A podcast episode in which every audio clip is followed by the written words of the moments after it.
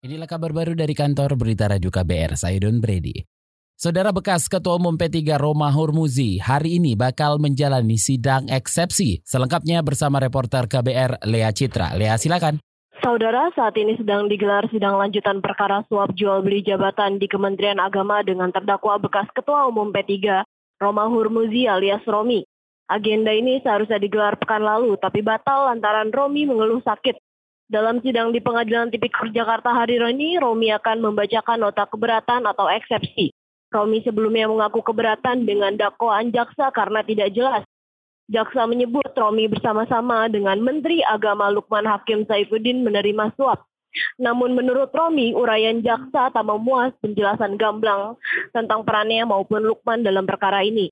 Romi didakwa bersama-sama Lukman menerima suap 325 juta rupiah dari Haris Hasanuddin yang terpilih menjadi Kepala Kantor Wilayah Kemenak Jawa Timur. Selain itu, Romi juga diduga menerima uang 91,4 juta rupiah dari Muafak Wirahadi agar lolos seleksi Kepala Kanwil Kemenak Gresik. Langsung dari Pengadilan Tindak Pidana Korupsi, Lea Citra melaporkan untuk KBR. Terima kasih, Lea Citra.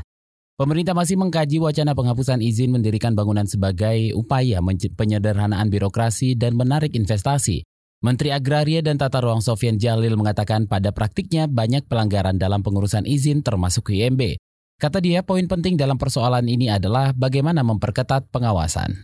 Karena konsep izin yang hmm. selama ini lebih banyak pelanggarannya. Hmm. Yang paling penting sebenarnya pengawasan di lapangan. Hmm. Tapi akan keluar nanti apa namanya sedang dikerjakan sebuah bukan aja masalah IMB tapi yang lain-lain juga. Nah itu yang sedang disiapkan sekarang.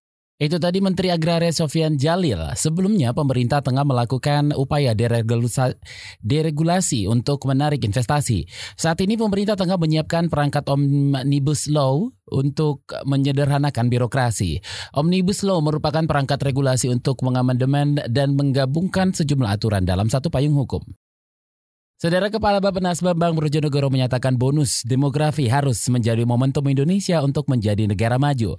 Bonus demografi merupakan kondisi saat jumlah penduduk usia produktif antara 15 hingga 64 tahun lebih besar ketimbang usia tidak produktif. Bonus demografi diperkirakan akan terjadi hingga tahun 2040. Menurutnya momentum tersebut harus dimanfaatkan karena tak akan terulang kembali. Jadi ketika kita punya kesempatan tersebut harus benar-benar kita manfaatkan dan merujuk kepada pengalaman negara lain di Asia, masa bonus demografi itulah yang masa yang di mana suatu negara itu bisa naik kelas dari negara menengah menjadi negara maju. Kepala Bapenas Bambang Brojonegoro menambahkan untuk menjadi negara maju, pemerintah akan memperbaiki kualitas SDM, produktivitas, dan meningkatkan teknologi. Ia juga menekankan tentang perencanaan keluarga agar bisa mencetak generasi muda berkualitas. Namun, Bambang mengakui Indonesia tertinggal dari Jepang dan Korea dalam menyiapkan SDM untuk menyongsong bonus demografi. Demikian kabar baru dari kantor Berita Radio KBR. Saya Don Brady.